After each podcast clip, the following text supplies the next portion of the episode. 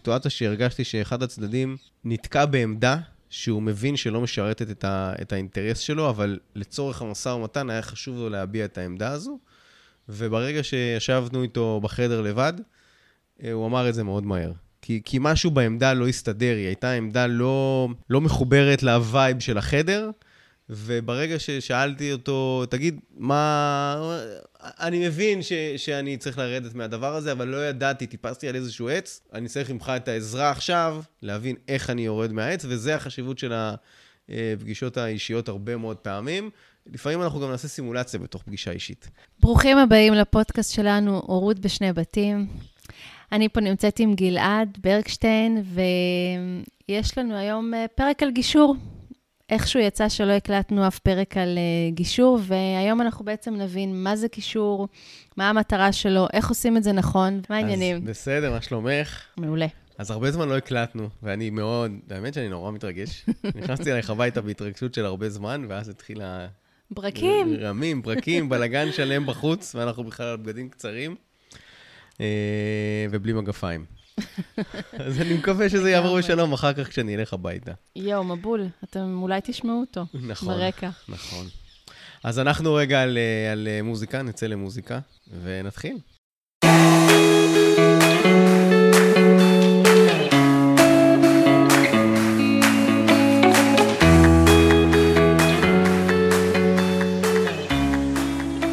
אז uh, השאלה הראשונה שלי לגלעד זה בעצם, למה אנחנו צריכים גישור? קודם כל, המטרה אה, הבסיסית, הכאילו מובנת מאליה של כולם, זה שיהיה הסכם בין, אה, בין בני הזוג שהחליטו להתגרש, ושנצא עם איזשהו אה, הסכם מתוך התהליך הזה, שנדבר על זה תכף בהמשך, אבל שהסוף שלו זה לאשר אותו בבית המשפט, את התוקף של פסק דין, אבל זאת מטרה שהיא אולי קצת מובנת מאליה.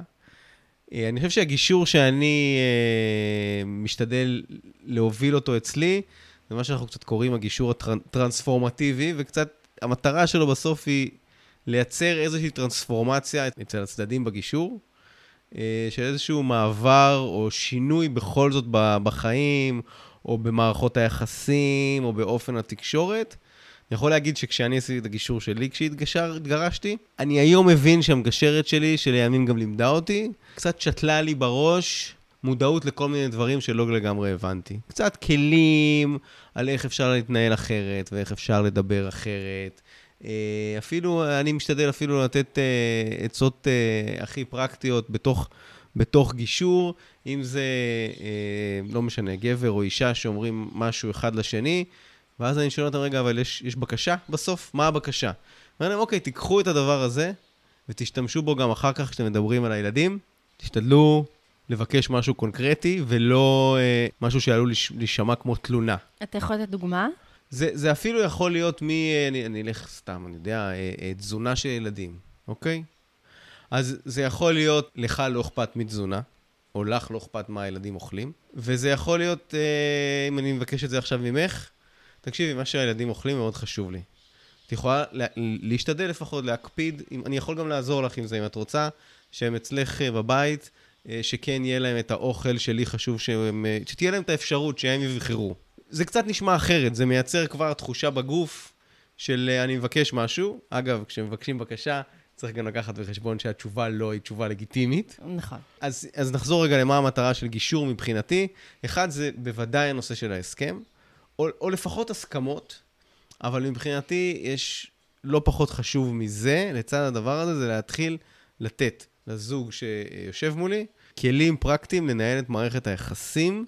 אה, גם אחר כך. זה לא, זה לא אה, הדרכת הורים, זה, לא, אני, זה, לא, זה, זה, זה אפשר לקבל במקום אחר, אבל זה ממש כלים איך לנהל את התקשורת ביניהם. אגב, גם אם הגישור כאילו לא מצליח, לא מסתיים בהסכם, כבר ראיתי שזוגות שאמרו, אז בסיבוב הבא, בין אם זה אצלך או אצל מישהו אחר, גם מה שעשינו בהתחלה בגישור הראשון, נתן לנו משהו כדי להגיע בשלים יותר לשלב הבא. של עוד גישור שקרה. רגע, אז, אז בואו נדבר בעצם מה קורה בתהליך גישור. מה זה בעצם תהליך גישורי? אה, כמה מפגשים? מה קורה בתוך המפגשים? עם מי אתה נפגש? איתו, איתה, ביחד? כל okay. ה... אוקיי. אז, אז נגיד ככה, מבחינת כמה מפגשים, זה נורא תלוי. בגדול הממוצע נע בין שישה, שמונה מפגשים, כל מפגש שעתיים, אבל זה נורא תלוי מה הבשלות שהזוג מגיע. זה נורא תלוי מה עצימות הסכסוך שהייתה לפני כן, זה נורא תלוי מה התוכן שהם מביאים. אה, בגדול יש נושאים די ברורים שצריך לדבר עליהם, או שצריכים להיות כתובים בהסכם, אה, ולכן גם חשוב לדבר עליהם, אבל הרבה פעמים לכל זוג יש את הייחודיות שלהם. הזכרתי קודם תזונה, אז לדוגמה, בית צמחוני ובית לא צמחוני, אז זה נושא שבדרך כלל לא מדברים עליו. אז לפעמים זה יכול להיות גם קצת יותר, או אה, קצת פחות. אה, מבחינת מה שנקרא אה, סוגי הפגישות, אנחנו מתחילים בדרך כלל בפגישה משותפת, זאת אומרת, אני כמגשר עם הזוג, ובתוך התהליך אפשר בהחלט לעשות, ו- ועושים פגישות שהן פגישות אישיות שלי עם כל אחד מהם אה, בנפרד. אני גם אומר להם בהתחלה שזה אפשרות שלהם לסמן שכרגע חשוב להם לעשות פגישה אישית בכל שלב. כי כרגע עולה משהו שחשוב להם להגיד רק לי. נגיד, בגדול, מה שנאמר בפגישות האלה האישיות, אה, אה, לא מועבר לצד השני, אלא אם כן אה, יש הסכמה. אומרת, ויש איזשהו דיון בינינו על זה. נגיד, ואיזה מידע אה, מישהו ירצה להגיד לך בפגישה אישית שהוא לא יגיד ב... בפגישה המשותפת בעצם? זה יכול להיות מנושא של, אה, לדוגמה, אני, אני מבין שהטיעון הזה שלי הוא חלש, גם התייעצתי עם עורך דין ואני מבין שיש לי, לי פה קושי ואני לא רוצה, אני לא יודע אפילו איך להגיד את זה. אה, זה יכול אפילו להיות, אני פעם היה לי אה, סיטואציה שהרגשתי שאחד הצדדים נתקע בעמדה שהוא מבין שלא משרתת את, ה, את האינטרס שלו, אבל לצורך המשא ומתן היה חשוב לו להביע את העמדה הזו. וברגע שישבנו איתו בחדר לבד, אה, הוא אמר את זה מאוד מהר. כי, כי משהו בעמדה לא הסתדר, היא הייתה עמדה לא, לא מחוברת ל vibe של החדר, וברגע ששאלתי אותו, תגיד, מה... אני מבין ש, שאני צריך לרדת מהדבר הזה, אבל לא ידעתי, טיפסתי על איזשהו עץ, אני צריך ממך את העזרה עכשיו, להבין איך אני יורד מהעץ, וזה החשיבות של הפגישות האישיות הרבה מאוד פעמים. לפעמים אנחנו גם נעשה סימולציה בתוך פגישה אישית.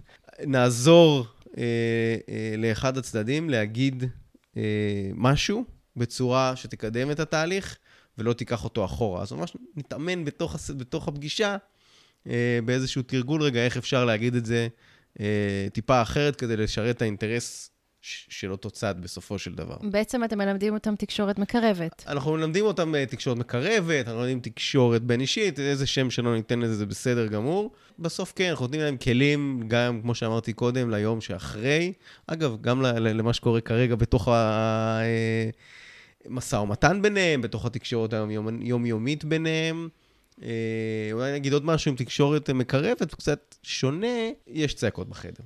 אוקיי? קורה. יש צעקות, יש כעסים, יש הכל מהכל, ואני מעדיף שזה יקרה, יקרה בחדר, מאשר שזה יקרה בבית אה, עם הילדים, בלי הילדים, אבל אני מעדיף שזה יקרה בחדר. זה לא אומר שזה לא קורה בבית, אבל אני נותן איזשהו מקום נוח לוונטילציה אפשרית. בתוך החדר. בעצם אני רוצה גם להגיד, אתה אומר, אנחנו, אה, אתה מנהל אה, גישור בקו. אז, אז בוא נדבר רגע, אז כן, אני מנהל... כן, אני... תסביר רגע למי שלא מבין. אז אני עושה גם גישורים אה, לבד, כמגשר בודד שיושב עם הזוג, ויש גם אפשרות אה, לשבת, אני בדרך כלל עושה את זה עם עוד מגשרת, אה, ואז זה מייצר איזשהו איזון בחדר, ואז אנחנו יושבים בשניים, כשני מגשרים, ובעצם מנהלים את הגישור הזה ביחד. מה, מה בעצם ההבדל או היתרון? היתרון שנכנס עוד ראש לחדר, ומכניס עוד צורת חשיבה שונה לפעמים. אה, עוד פתרונות אפשריים, עוד הסתכלות כזה מלמעלה. זה עוד ראש ש... שמכניס מחשבה לחדר. מבחינתי, זה גם מקום מאוד, אה, אני מאוד, אני באופן אישי מאוד נהנה מזה. אה, יש לי גם את היכולת מדי פעם אם אני צריך לנוח, או להרגיש מה קורה איתי כרגע, או אם אני כרגע באיזשהו טריגר ומרגיש שאני צריך רגע תמיכה, אז יש מי שייכנס. זה כאילו מאפשר לי אה, איזשהו מקום גם יותר רגוע, ואני גם uh, בוחר עם מי לעשות את זה, שיש בינינו משהו שאנחנו בדרך כלל נשלים אחד את השני. כי אם אני אבחר מישהו שעובד כמוני, באותה צורה כמוני, באותו סדר כמוני, מדבר כמוני, אז, אז, אז אין, אין ערך מוסף לדבר הזה. אז קודם כל העובדה שזה גבר ואישה כבר מכניס הרבה פעמים איזשהו איזון לחדר, ולפעמים אנשים אפילו יבקשו את זה. אה, אני בדרך, אני בדרך כלל מציע את זה כאופציה, ובכלל, מישהו שבא טיפה, אה, אולי, זה יכול להיות מישהו ש, או מישהו או מישהי שהיא לא עורכת דין לדוגמה, ואז זה מכניס איזה פן טיפה יותר טיפולי. אה, זה יכול להיות מישהו שטיפה מגיע מאיזשהן תפיסות קצת שונות משלי. עדיין, הכימיה בינינו היא חייבת להתקיים, המודלינג שלנו בצוות של עבודה בכל הזוג הוא מאוד חשוב. אה, אז זה צריך להיות מישהו שאני מסתדר איתו, איתה מצוין. אה, כן, זה, אני מאוד אוהב את זה.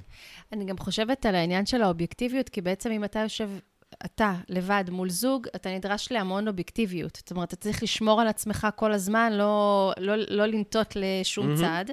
וכשאתה עם עוד מגשרת או מגשר, אמ, הם יכולים גם לשמור עליך, זאת אומרת, לא כל האחריות נופלת עליך באובייקטיביות הזאת, כי זה נורא קשה להיות כל הזמן מאוזן, כי בכל זאת, זה קשה לשמור על אובייקטיביות. אז, אז לפעמים מה שאנחנו עושים, פחות, מלמד, אני, אני גם מלמד גישור, אז אנחנו גם מלמדים את האפשרות של אה, מה שאנחנו קוראים פגישת מגשרים.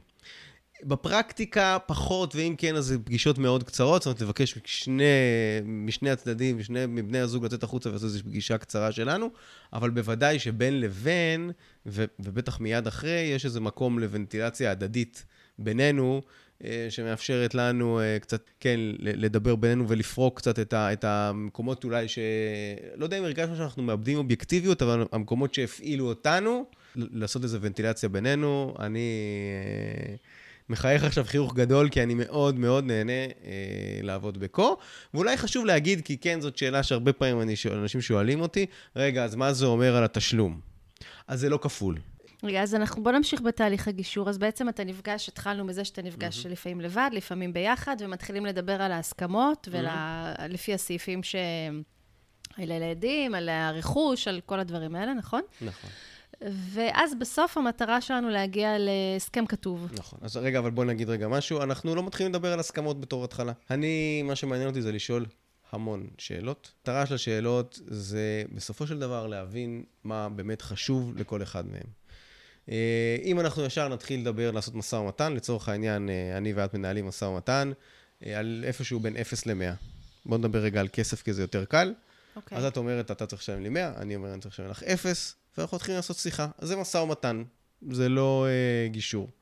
בגישור אני רגע רוצה להבין למה את חושבת שאת צריכה לקבל 100, או למה אני חושב שאני צריך לקבל 0, שאני צריך לתת 0. ואז אני בעצם מנסה להבין דרך השאלות מה האינטרס, על מה זה יושב. אה, ועולים כל מיני דברים דרך השאלות האלה שלא היו עולים לפני כן. אה, הרבה פעמים בקורסים שואלים אותי, אומרים לי, טוב, יאללה, אבל בוא, בוא נדבר תכלס, נו, כמה אתה זה, כמה אתה זה, זה מה שלימדו אותנו לעשות, ככה לימדו אותנו לעשות משא ומתן. זה משא ומתן, זה לא גישור. אגב, גם משא ומתן שאומר, אוקיי, בין 0 ל-100 בוא נעשה 50, זה לא גישור, זה פישור, זה בוא נמצא איזושהי פשרה באמצע. אה, זה לא באמת נותן מענה לצרכים והאינטרסים של, של הצדדים. ודרך השאלות האלה, אנחנו פורטים את זה ממש למה חשוב. חשוב לי שנגור אחד ליד השני. סבבה. אז זה מה שחשוב. בואו נראה מה הצד השני חושב על זה. חשוב לי uh, התזונה של הילד, חשוב לי המון דברים, ואז דרך זה אנחנו מתחילים לדבר על הסכמות. רק בשלב הבא, אחרי שאנחנו מבינים באמת על מה כל דבר יושב. Uh, ואז כן, ואז כשמגיעים להסכמות, אז יש כתיבה של הסכם, אנחנו מעבירים את ההסכם uh, לגבר והאישה, ופה עוד יש, יש עוד תהליך הרבה פעמים של עבודה על סעיפים קטנים, של ניסוחים קטנים, של דברים שקופצים, אה, שלפעמים מישהו ביקש להתייעץ עם עורך דין ואז זה חוזר חזרה עם הערות. נגיד, אני מאוד מאוד ממליץ, בוודאי בשלב הזה שיש הסכם, לכו לעורך דין, תקנו שעה, שעתיים ייעוץ, אני, אני גם עושה את זה באופן אישי לפעמים, מפנים אליי, ו... אה, אבל תגיעו לעורכי דין שהם באוריינטציית גישור, שלא יפוצצו בשלב הזה של ההסכם את הגישור, זאת הצעה שלי. אה, ובסופו של דבר חותמים על הסכם. יש פגישה שבה אנחנו חותמים על ההסכם, מין אווירה כזאת היא נורא נעימה ונינוחה בדרך כלל. אה, ומכאן בעצם מגישים את ההסכם אה, לבית המשפט, כדי שייתן לו תוקף של פסק דין, שיהיה לדבר הזה משמעות משפטית, שאפשר לאכוף אותה אחר כך אם צריך. אני לא חושב שכאן ניגע בזה היום, אבל, אבל זאת המטרה של ההסכם בסופו של דבר, לייצר הסכם שיש לו תוקף של פסק דין. אולי נגיד שברוב המקרים ההסכם הזה בסופו של דבר לאורך הזמן קצת נכנס למגירה. והרבה פעמים משתנה לאורך זמן. אז ישאלו אותי, אוקיי, אז למה אני צריך את ההסכם? צריך את ההסכם כי ההסכם בסופו של דבר מהווה איזשהו אה, אה, רף הנמוך של הסכמות, שאם אין הסכמה אחרת, אז יש לאן לחזור, וזה לא נשאר כזה פתוח ולא ברור ומה הסכמנו. תוספת אולי קטנה, כי הרבה פעמים זה עולה. בגדול ההסכם הזה הוא הסכם חייב, הוא הסכם סופי, הוא הסכם גמור. אפשרי לבקש מבית המשפט לשנות אותו. זה תחת מה שנקרא שינוי נסיבות מהותי. זה אומר לצורך העניין, אם התחלנו את זמני השהות של הילדים, ב, נלך על משהו, אה, זה נגיד ב-10-4, זאת אומרת, בתוך שבועיים, עשרה ימים וארבעה ימים, ועכשיו, אחרי ש... ועל זה התבססו המזונות על אותם 10-4, אה, ולאורך זמן, שלוש שנים, ארבע שנים אחרי זה, פתאום זה עלה והגיע ל-7-7, מכל מיני סיבות אפשריות. אוקיי? ולצד זה, לאותו אה, אה, גבר או אישה שהיה בה ארבעה ימים, גם נולדו ילדים נוספים מזוגיות חדשה. אוקיי, יש פה שינוי נסיבות מהותי שאומר גם זמני השהות השתנו ולכן צריך לשנות את המזונות לדוגמה, וגם כבר יש ילדים נוספים שגם לזה יש משמעות כלכלית.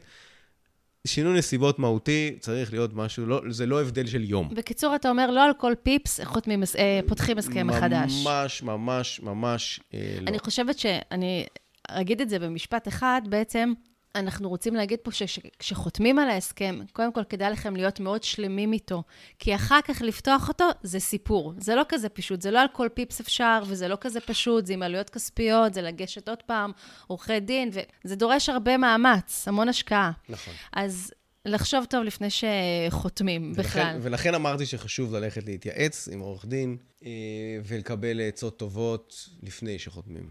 אז אני רוצה רגע לדבר אבל על הציר הזה, ש... על הציר של, של ההסכם, שאני... יש את האלה שעושים לבד, בעצם mm-hmm. שמורידים הסכם, יש היום מיליון הסכמים באינטרנט, הם יכולים להוריד הסכם, לשבת ביחד, להחליט מה נכון להם, הם כנראה ברמת הסכמה מאוד גבוהה. אמ, ולעשות אותו לבד. יש את התהליך גישור, ויש לנו את הקצה השני אולי, שזה בית משפט, mm-hmm. אוקיי? זה בערך הציר שלנו. עכשיו, אה, אמרת מקודם בעצם שבתהליך גישור אתה באמת נכנס מאוד מאוד לעומק. אתה בעצם שואל אנשים שאלות שאולי את עצמם הם לא שואלים, או לא, גם מתוך המצוקה וגם בתוך כל התקופה הזאת של המשבר, וכאילו הם לא, לא מפוקסים על זה, כי צריך להיות מאוד, אה, לשאול את עצמך את כל השאלות האלה לבד, זה לא פשוט. אז יכול להיות שמי שעושה הסכם לבד, יכול לעשות את זה לגמרי אפשרי, אבל יכול להיות גם שהוא יפספס דברים בדרך, אז בכל זאת כדאי שילך עם זה למישהו שיסתכל על זה, ש, ש, שיראה שהם לא פספסו דברים, או ש, שזה נכון. אז אני, אני אגיד, אני, אני מכיר את ההסכמים שנמצאים באינטרנט, יש הסכמים, אגב, יש מקומות שיש הסכמים טובים, שממצים את רוב הנושאים, ובהחלט אפשר לקחת ולדבר ולחתום עליהם. אבל, צריך לקחת בחשבון, ואני ראיתי את זה קורה במקומות מסוימים, שכשעושים את זה, אין צד שלישי, מה שנקרא מגשר, שהוא צד שלישי ניטרלי, אה, שעוזר להחזיק את המרחב. השיח שמתבצע בין, אה, בין אה, בני הזוג, אפילו זה שהוא קורה בשעות מסוימות, או ב state of mind מסוים, הרבה פעמים זה לא נכון, כי זה יקרה בערב, מאוחר, אחרי שהילדים הלכו לישון, שכבר עייפים הרבה פעמים. אבל גם דיברתי קודם על שאלת שאלות, ואמרת, אפילו שאלות שאנשים לא שאלו את עצמם. אם יש משהו שאני מאמין בו מאוד וקצת לקוח מהעולם של מעגלי גברים, זה שמה שלא מדובר מתנהג. זאת אומרת, מה שלא נדבר בינינו, אם לצורך העניין לא נדבר רגע על, בואו ניקח נושא בומבסטי, על, על מה קרה לי כשבגדו בי, מה הרגשתי שם, וזה נורא קשה לעשות את זה לבד, בלי ליווי, זה יבוא אחר כך. זה יבוא אחר כך, אחרי שיהיה הסכם. אה, יש את, הרבה פעמים אני שומע את זה, הוא או היא בגדה בי, אז הם צריכים לשלם על זה, ואם זה לא יעלה בשיח לפני ההסכם, זה יבוא בשיח אחרי ההסכם. וזה עוד הרבה נושאים. אז, אז אני חושב שכן, אפשר לעשות הסכם אה, בלי, ה, בלי, זאת אומרת, להוריד מהאינטרנט, לקרוא אותו טוב, לתקן, מה שצריך לתקן. אה, צריך לקחת בחשבון שיש לזה מחיר, עלולים להיות לזה מחירים מסוימים, אם לא דיברו על הכל. ויכול להיות שזוג כזה יכול לבוא ל... תהליך קצר יותר, כי הם כבר בשלים. אז בעצם אתה רואה הבדל ב... בתהליך הגישור בין אנשים שעברו טיפול ומטופלים תוך כדי תהליך הגישור לבין כאלה שלא היו מעולם או שלא עשו, אה, הם לא מטופלים בשלב הזה? זה, זה משהו שהוא נורא מעניין, כי אני לאט לאט התחלתי להבין אה, שכשמגיעים אליי אה, אנשים, שבין אם עשו, עברו איזשהו שלב של טיפול זוגי, או ייעוץ זוגי, או אפילו טיפול אישי, הם מגיעים בשלים יותר לתוך התהליך. זה לא אומר עכשיו בהכרח שהתהליך אה, חלק ומיד יש הסכמות, ו... אבל יש איזה שהן תובנות כבר על, על, על עצמי, אה, מי אני, ומה אני, ואיך אני, ומה מייצר אצלי טריגר, ועל מה זה יושב בילדות שלי, ו... ואולי אני כבר יודע להימנע מכניסה לטריגרים, אולי אני כבר יודע להרגיש בגוף כשהם מגיעים, אולי אני, כבר יש לי תשובות על חלק מה... לפחות על חלק מהדברים, ואנשים כאלה הרבה פעמים מגיעים אה, קצת יותר רכים תוך התהליך, או יותר בשלים, וזה נורא מעניין הרבה פעמים לראות את ההבדל. אנשים גם לפעמים יגידו, יש לי מטפלת, יש לי מטפל, אני, אני, אה, אני חושב רגע איפה זה פוגש אותך, ההבדל הזה מבחינתך. כלומר, מגיעים אלייך אנשים אחרי שהם עברו אה, גישור, מגיעים לטיפול, או כאלה שהתגרשו אה, בבית משפט, ואיפה את רואה את, ה, את ההבדלים? מעניין אותי רגע, פתאום אני חושב. לא, אני גם, זאת אומרת, נכון, אני גם מלווה אנשים תוך כדי תהליך הגישור. זאת אומרת, זה כן קורה, יש אצלי כמה מטופלים כרגע שהם תוך כדי תהליך גישור. אני מרגישה שהם מביאים למפגשים שלנו בעיקר את כל הרגשות סביב הדבר הזה. זה מעלה המון המון המון רגשות, והם מאוד מוצפים. במיוחד אחרי פגישת גישור, אני מקבלת הודעה, הייתה פגישה, הם, אני יכולה לקבל, לפעמים, לא לפעמים, הרבה פעמים לקבל הודעות כאלה, נסערות, כי זה מעלה המון המון אמוציות. ואז מה שקורה, הרבה פעמים אני קובעת את הפגישה שלנו אחרי פגישת גישור. כדי שיהיה להם מקום לעשות וינטלציה לכל מה שעלה ביום לפני. ואז באמת אנחנו מדברים על הכל ונכנסים לעומקים אחרים, כי אני לא מגשרת, אני מטפלת, אני מדברת רגשות. אז אנחנו מדברים על הכעסים ועל מה יש ביחד, אה, מתחת, ומה זה העלה, ו- ו- ועל הזוגיות, ועל כל התהליך אבל בעצם שקורה. ו- וכשאנחנו משחררים את כל זה, אני מרגישה שהם מגיעים יותר מאוזנים לפגישה הבאה. זאת אומרת, זה בחוויה שלי. אמ, אנחנו גם מדברים על הפגישות הגישוריות, מה שקורה, ו, ומה הם רוצים להגיד, וקצת אה, לפקס אותם בכוונות שלהם, לא מהמקום הגישורי בכלל, מהמקום הטיפולי של מה אני מרגיש בכלל, מה אני רוצה, מה אני מרגיש לגבי התהליך הזה גם, כי זה תהליך לא, לא פשוט, אה, גישור עבור אנשים. זה, זה נורא מעניין, כי אני, אני חושב שכשאצלי מגיעים אנשים שאני יודע שמשתפים שהם בתוך טיפול, אז אחד, יש איזו נוכחות של איזה צל כזה בחדר, אה, של המטפל או המטפלת, אה, שמלווים את הדבר הזה כאילו מבחוץ. זה אפילו קצת דומה לשיח בין אה, מטפלים, הרי כשלגבר יש מטפל, לא בגירושים, בעולם אמיתי, לגבר יש את המטפל או המטפלת שלו, ולאישה יש, יש איזה שיח שקורה בתוך המרחב בין שני המטפלים כזה, באיזה מין, אה, ביקום איפשהו, שהוא לא שיח מציאותי, אבל הוא מתקיים. אז אני חושב שגם פה יש איזשהו שיח של עוד איזושהי דמות שנכנסת לחדר, והיא בעצם...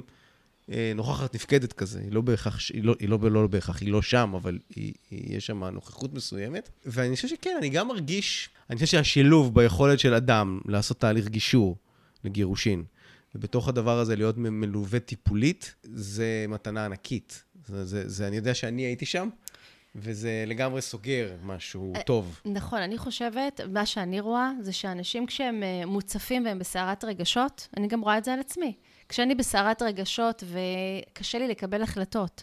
ועכשיו, כשאתה כותב הסכם, אתה חייב להיות אה, באיזשהו איזון, אה, קשה להגיע לאיזון הזה, אבל מפוקס לגבי מה אתה מחליט, מה אתה חותם, מה יהיה לך טוב, כי מדברים בהסכם על שנים קדימה, במיוחד כשיש ילדים קטנים, אוקיי? אה, אם כבר אין לכם ילדים, כאילו, הילדים מעל גיל 18 זה פחות משנה, אבל כשילדים קטנים ויש עוד כל כך הרבה שנים להיות ביחד בהורות משותפת, ו... יש, יש שנים לחשוב קדימה, אנחנו צריכים לבוא למקום של החלטות לא רק מסערה רגשית, ממקום של הבטן שהיא אה, כמו הבטן, הכל גועש ורועש. אז זה עושה שקט, ואז אפשר לקבל החלטות יותר נכונות עבורנו. אני רגע אגיד משהו רגע לפני שאנחנו אה, מתחילים לסכם ול, ול, ולסיים את הפרק הזה. חשוב מאוד להבין רגע את ה... עוד שני הבדלים חשובים בין גישור לבין בית משפט. אחד, ואולי הוא היתרון הגדול ביותר של אה, גישור זה העובדה שבגישור לזוג יש שליטה מלאה על מה שקורה. מלאה במובן הזה שהם יודעים חד משמעית, כשהם מסכימים למשהו, הם יודעים ממה הם יוצאים. בית משפט, למרות כל מה שיגידו וכתוב באינטרנט וכל מיני uh, עצות והתייעצויות וכולי, וזה בסדר גמור, uh, ועשינו לזה פרק, להתייעץ ברשתות החברתיות, אבל עדיין זה עולם של חוסר ודאות, זה נורא תלוי על איזה בית משפט נפלתם ועל איזה שופט נפלתם ועל איזה עובדת סוציאלית, סוציאלית, סוציאלית הגעתם, על המון המון נתונים שלוקחים מכם את השליטה. ולכן הגישור, הוא, יש לו יתרון שהשליטה אצלכם, אתם מחליטים למה אתם מסכימים ולמה אתם לא מסכימים. הדבר השני שחשוב מאוד להגיד, ועל זה אני רואה באמת הרבה מאוד שאלות ושואלים הרבה, אני כמגשר, אין לי את היכולת המשפטית, אפילו החוקית, להכריע. זאת אומרת, אני יכול לשקף, ואני יכול להגיד מה באופן כללי עשוי לקרות בבית משפט אם לא יגיעו להסכמות, אבל אין לי שום סמכות, אוקיי? ושום מגשר לא יכול להגיד, אני מחליט עכשיו שזמני השהות הם כאלה, או שהמזונות הם כאלה. ויש כל מיני כללי אצבע, ואולי עוד דבר אחד מאוד חשוב, זה שלמרות כל הדברים שאולי בית משפט יקבע ויכריע, ולמרות כל מיני הלכות כאלה ואחרות בגישור, אפשר לקבוע הכל. סליחה, אפשר לה, להסכים על הכל. גם על דברים שכביכול הם לא בנורמה. nesting, לדוגמה. זה משהו שבדרך כלל לא, לא קורה.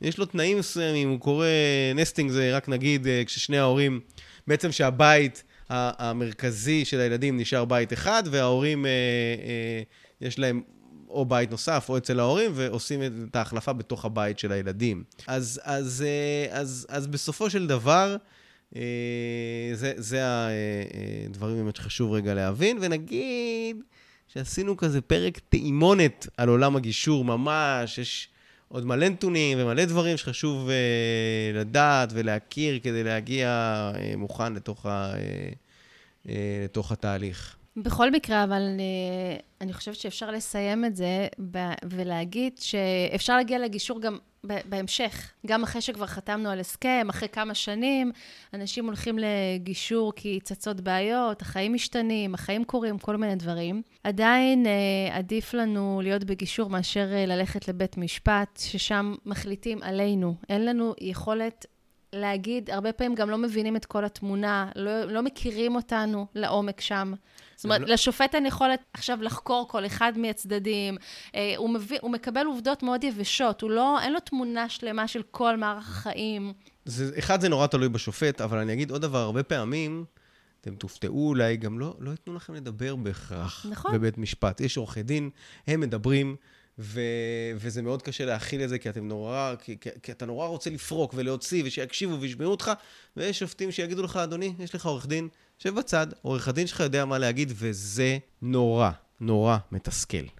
אתה מאמין אבל שיש אנשים ש... שלפעמים אין, אין ברירה, אנחנו נהיה חייבים ללכת לבית משפט. זאת אומרת שיש אנשים שלא יכולים להתגשר. התשובה היא כן. אני חושב ש... אני לא חושב שיש אנשים שלא יכולים להתגשר, אני חושב שיש בשלות של סכסוך, או בשלות של אנשים. אני ראיתי סכסוכים, לא בהכרח גירושים, שגם אחרי עשר שנים ואחרי גישור אחד ואחרי שני גישורים, הסתיימו בהליך גישור נוסף. זה פשוט בשלות שהאנשים עברו בתוך התהליך, mm. ו... ולפעמים אתה צריך את הביקור בבית המשפט כדי לראות כמה זה רע, כדי לעשות סיבוב, סיבוב פרסה ולחזור חזרה לעולם של הידברות, תקשורת, גישור. ובסופו של דבר, כן, יש סכסוכים, בשביל זה יש בתי משפט. יש סכסוכים שאנשים צריכים להגיע לבית משפט כדי שיקבעו, ובכל העולמות, אגב, לא רק בגירושים, ועדיין, ודיברנו על זה, פרק עם, עם אסתי, תעשו מה שאתם יכולים כדי להימנע מהדבר הזה ותגיעו להסכמות, אה, בגישור, בהידברות, באיך שתרצו, אבל דברו אה, ביניכם. זה בסוף הילדים שלכם. אז uh, גלעד, תודה רבה על uh, כל הידע וה... ושהכנסת אותנו לעולם הגישור. מהמם, תודה רבה. וניפגש בפרק הגש... הבא. הגשם נגמר בינתיים. השמש יצא. יאללה. יאללה.